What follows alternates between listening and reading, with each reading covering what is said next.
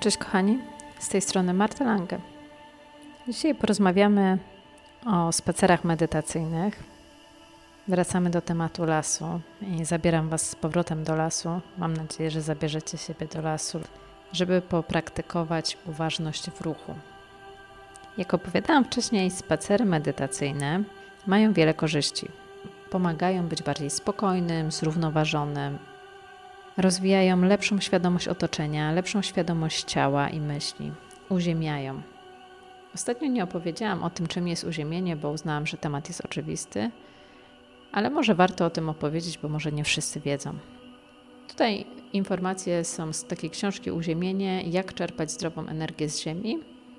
Autorami jest Clinton Ober, który był monterem w telewizji kablowej i dr Steven Sinatra, który zauważa taki aspekt, y, o którym my mówiliśmy, że bardzo ważne jest dla ludzi, żeby nie byli oddzieleni od natury, że człowiek choruje, kiedy jest oddzielony od natury i wykazali na wiele sposobów, powołując się na badania y, naukowe, również sami takie badania robili, że uziemianie jest niezwykle istotne. Jeden podszedł do tego z takiego punktu medycznego, a e, Ober jako ten monter y, dawny zobaczył, że przecież my również jesteśmy naładowani jonami dodatnimi, właśnie z urządzeń elektrycznych, i także potrzebujemy tego uziemienia. Jest nam to po prostu niezbędne, tak jak jest niezbędne to urządzenie, żeby nie wybuchnąć. I mamy ciało spolaryzowane, tutaj są jony dodatnie i ujemne, i one powinny być w harmonii ze sobą a nikt nas nie nauczył tego, że dla zachowania bezpieczeństwa powinniśmy się uziemiać właśnie na boso, odprowadzać te jony do ziemi. Jest też drugi sposób. Ja tego nie stosowałam, więc nie wypowiem się na ten temat, ale są takie prześcieradła uziemiające i maty uziemiające z jonami srebra. Opowiadałam o wolnych rodnikach przy okazji filmu o witaminie C. Wolne rodniki to są takie substancje, które, takie cząsteczki, które krążą po naszym ciele i zwalczają je antyoksydanty. Jeżeli wolnych rodników jest za dużo, zostaje wywołany stres oksydacyjny i on jest przyczyną wielu chorób, szczególnie tych chorób przewlekłych, stanów zapalnych. Powoduje rozkład tkanek, niszczenie komórek, a to może wywołać również choroby nowotworowe. Także uziemienie jest bardzo istotną kwestią. Jeżeli żyjesz tak jak większość osób z telefonem cały czas przy sobie, przy komputerze, otoczony, otoczona niezliczoną ilością elektrycznych urządzeń wokół, to zapewne masz za dużo jonów dodatnich. Oczywiście są sposoby na to, żeby antyoksydanty uzupełnić i opowiadałam o witaminie C, ale tak naprawdę najprzyjemniejszą i najłatwiejszą rzeczą jest zdjąć buty, kiedy tylko możemy i pochodzić boso po trawie. Pamiętacie ten moment powietrza po burzy? Wtedy ono jest takie rześkie, tak się dobrze oddycha i dobrze się śpi po burzy. To jest właśnie powietrze najonizowane ujemnie. Jeszcze kilka ciekawostek chciałam powiedzieć o lesie, bo traktujemy te drzewa jako takie przedmioty, które turbo wolno rosną, ale w sumie to wiemy, że żyją, ale nie traktujemy ich jak żywych istot. Warto przyjrzeć się drzewom od wewnątrz, w jaki sposób funkcjonuje ich istota. Słuchajcie, każdego dnia lasy uwalniają około 10 tysięcy kilogramów tlenu na kilometr kwadratowy. Jeżeli przyjmiemy, że jedna osoba potrzebuje około kilograma tlenu na dobę, to 10 tysięcy osób ma zapewnioną dostawę tlenu z lasu. I taki codzienny tlenowy prysznic być może niedługo będzie naszym marzeniem, bo na razie większość osób musi wdychać dwutlenek węgla przez maseczkę. Jak drzewa oddychają? Czy drzewa mają płuca? Hmm. Coś jakby fragmenty płuc to igły i liście. Mają na spodzie takie małe aparaty szparkowe, które pobierają tlen coś w rodzaju naszych ust. W dzień drzewa pobierają tlen, wydalają dwutlenek węgla w nocy. Można powiedzieć, że w dzień drzewo robi wdech, a w nocy robi wydech. Więc wszystko jest podobnie jak u nas, tylko turbowolno. Korzenie też potrafią oddychać. Nie wiem, czy o tym wiedzieliście. Inaczej zgniłyby zimą, kiedy drzewo nie ma liści. Tam pod pod spodem jest naprawdę życie, nawet kiedy nam wydaje się Ziemia zmarznięta i że tam nic się nie dzieje, to już 5 metrów od powierzchni Ziemi toczy się nieustanne życie. Tam nic nie zastyga, to tylko nam się tak wydaje. A co ze snem? Czy drzewa potrzebują snu, czy potrzebują braku światła? Z tego, co wcześniej opowiedziałam, wynika, że tak. Wykazano w takim badaniu z 1981 roku 4% obumierania drzew z powodu nadmiernego światła z miasta. I drzewa owszem są bardzo powolne, ale w środku woda i składniki pokarmowe płyną od korzeni do liści z prędkością centymetra na sekundę. Również tak samo czują ból, dużo wolniej, ale ta informacja w systemie nerwowym, która również u nas jest od skaleczenia, od zranienia do mózgu, u nas jest to turbo szybko, u drzewa to jest turbo wolno, ale ta informacja o zranieniu, o tym, że została urwana mu gałąź czy liść, to drzewo dostaje taką informację. Musi też zareagować i sprawić, żeby ta rana była zabliźniona. Lasy to jest filtr dla trujących węglowodorów, związków azotu, pyłów, kwasów. Do drzew przylepiają się te wszystkie brudy tak trochę jak do filtra w naszym okapie. Las nie jest tym zatruty, las to wszystko przerabia i puszcza dalej. W jaki sposób porozumiewają się drzewa? O tym też już trochę mówiłam, e, ale nie mówiłam o finoncydach, a to są takie zapachowe informacje, które informują o różnych zagrożeniach inne drzewa, Także zabijają drobnoustroje, przyciągają odpowiednie owady czy też pomocne grzyby. Więc tak jak my porozumiewamy się przez gardłowe dźwięki, uważamy to za jakiś szczyt technologii, jeśli chodzi o sposób porozumiewania się, tak drzewa porozumiewają się zapachem. To w sumie nie powinno być dla nas zaskoczeniem, ponieważ sami w ten sposób używamy perfum, dając informacje dla osób, które chcieli, chcielibyśmy przyciągnąć, ale tak naprawdę również nasz zapach jest sposobem na przyciągnięcie odpowiedniego partnera i te informacje biochemiczne są między partnerami wymieniane też po to, żeby od razu wiedzieć, czy zapach nam się podoba. To jest pierwsza taka e, wymiana informacji na poziomie takim zupełnie nieświadomym. Spotykamy kogoś, ten ktoś niby nam się podoba, rozmowa jest fajna, ale coś nie pasuje. I mówi się, że nie ma chemii, ale być może to, co nazywamy tak ogólnikowo tym czymś, tak? To, może to coś, to jest właśnie ta informacja biochemiczna. I w ten sposób właśnie rozmawiają ze sobą drzewa. Wręcz świerki i sosny, które są efektem nasadzeń do Polski, nie są stąd. Dla nich ten klimat jest zbyt suchy, zbyt ciepły, te tereny nizinne im nie odpowiadają. One wręcz wytwarzają dużo takich informacji alarmowych, że umieramy, zabierzcie nas stąd. Dlatego niekoniecznie dobrze czujemy się w tych lasach iglastych, dużo lepiej czujemy się w lasach liściastych, w starych bukach, gdzie one informują siebie nawzajem o dobrym samopoczuciu. Na to też y, są badania, podlinkuję je, jak znajdę. Co jeszcze sprawia, że dobrze czujemy się w lesie? Co jeszcze daje nam las? Las zwiększa przepływ krwi i poziom energii, dlatego jeżeli jesteś śpiąca, śpiący, świetnym pomysłem będzie spacer po lesie. Taki 30-minutowy spacer mocno doenergetyzuje. Spacer również poprawia trawienie. Y, jelita zaczynają pracować szybciej poprzez ruch. Wtedy najchętniej człowiek by się położył, ale właśnie najlepszym pomysłem na przetrawienie wszystkiego szybko jest spacer. I to również jest dobry pomysł na to, żeby pozbyć się męczącego problemu z zaparciami. Lęk. Badania z 2017 roku wykazały, że chodzenie połączone z medytacją dużo lepiej działało u grupy nastolatków niż sama medytacja. Jedno i drugie sprawiało, że ciśnienie krwi zostawało uregulowane, poprawiało sprawność funkcjonalną, nastrój.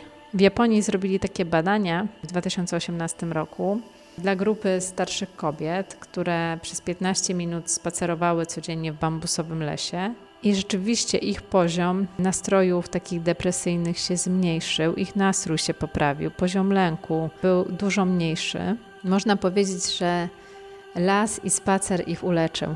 Do tego dochodzi sen, czyli to, o czym mówiłam ostatnio, że las doclenia, ale nie tylko to jest y, powodem, dla którego nasza jakość snu się poprawia. Uspokaja, koi nerwy, to zielone światło jest dla nas po prostu kojące.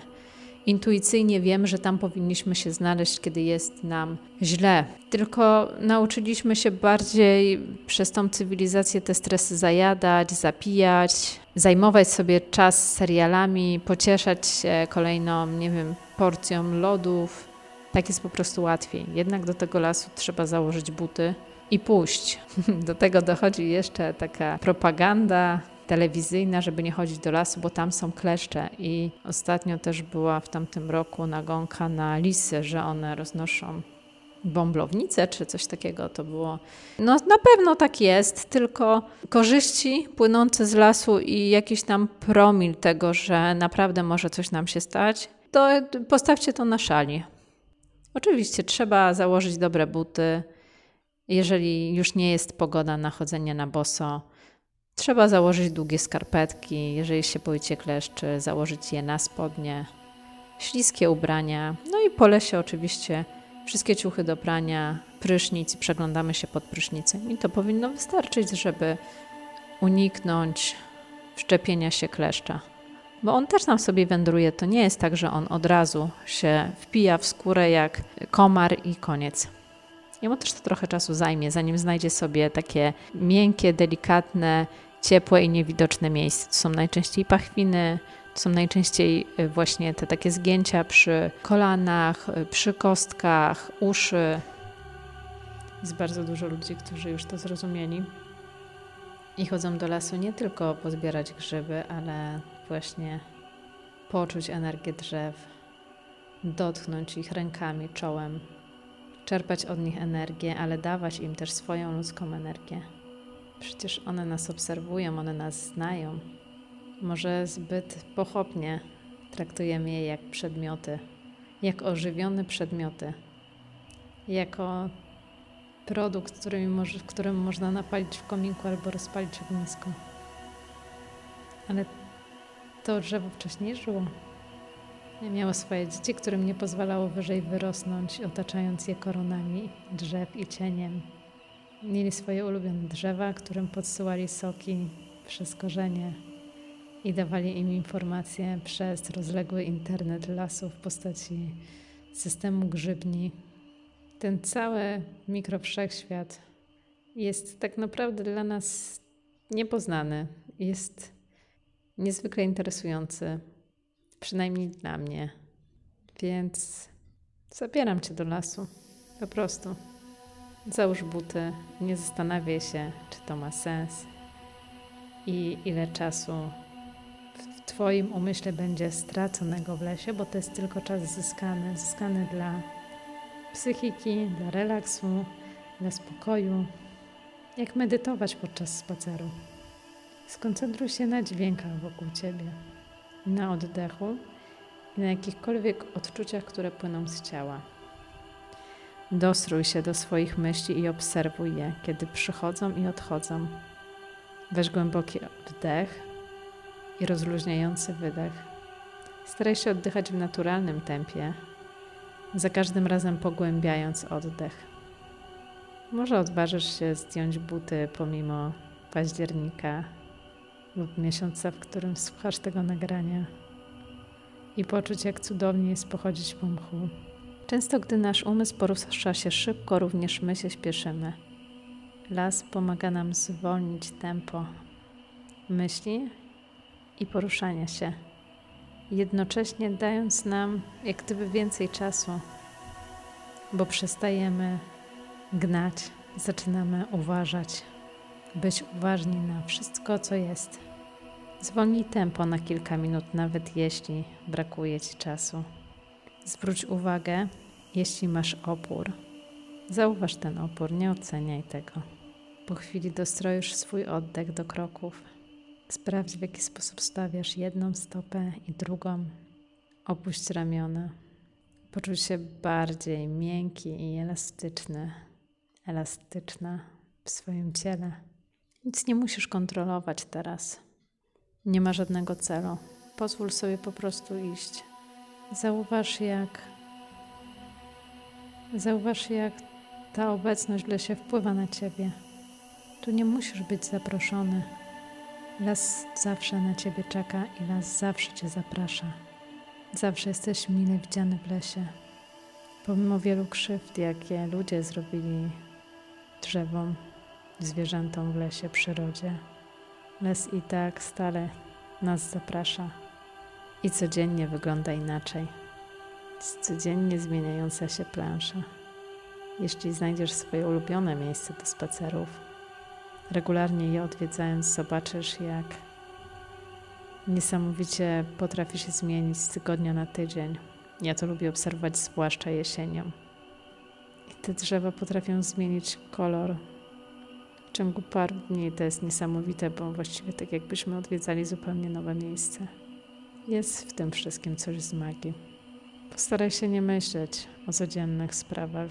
Zostaw sprawy przed lasem. Wrócisz do nich po spacerze. Wiem, że to trudne. Wiem, że Twój umysł przyzwyczaił się do tego, żeby ciągle rozwiązywać problemy, a często je sam stwarza, żeby potem mieć co rozwiązywać. Ale umówmy się, że w momencie, kiedy przekraczasz bramę lasu, wszystko, co było poza lasem, nie ma znaczenia. Przez ten czas medytacji, przez ten czas spaceru medytacyjnego, nie ma nic ważniejszego oprócz Ciebie, Twojego oddechu, Twojego ciała, a myśli, które napływają. Pozwól im być i pozwól wraz z wydechem, żeby odchodziły. Potraktuj las jako takiego zielonego lekarza, który zwalcza Twoje wolne rodniki, te dodatnie cząsteczki, które mogą wywoływać ciężkie choroby. On za darmo chce Cię wyleczyć i nie pozwólmy żadnym bezsensownym przepisom na kolejne zamknięcie lasów. To jest nasz naturalny szaman, to jest nasz uzdrowiciel, to jest miejsce, do którego warto iść, kiedy chcesz sobie poradzić z jakimś problemem. Nie po to, żeby go przemyśleć, ale po to, żeby pobyć samemu ze sobą, to, żeby się po prostu zrelaksować i odprężyć. To wszystko mamy wszyscy za darmo. Także, kochani, dziękuję Wam za uwagę, dziękuję Wam za uważność. Dziękuję, że byliście ze mną i podziękujcie sobie, jeśli udało Wam się zabrać Was samych na spacer uważności, na spacer medytacyjny. Do usłyszenia wkrótce. Cześć.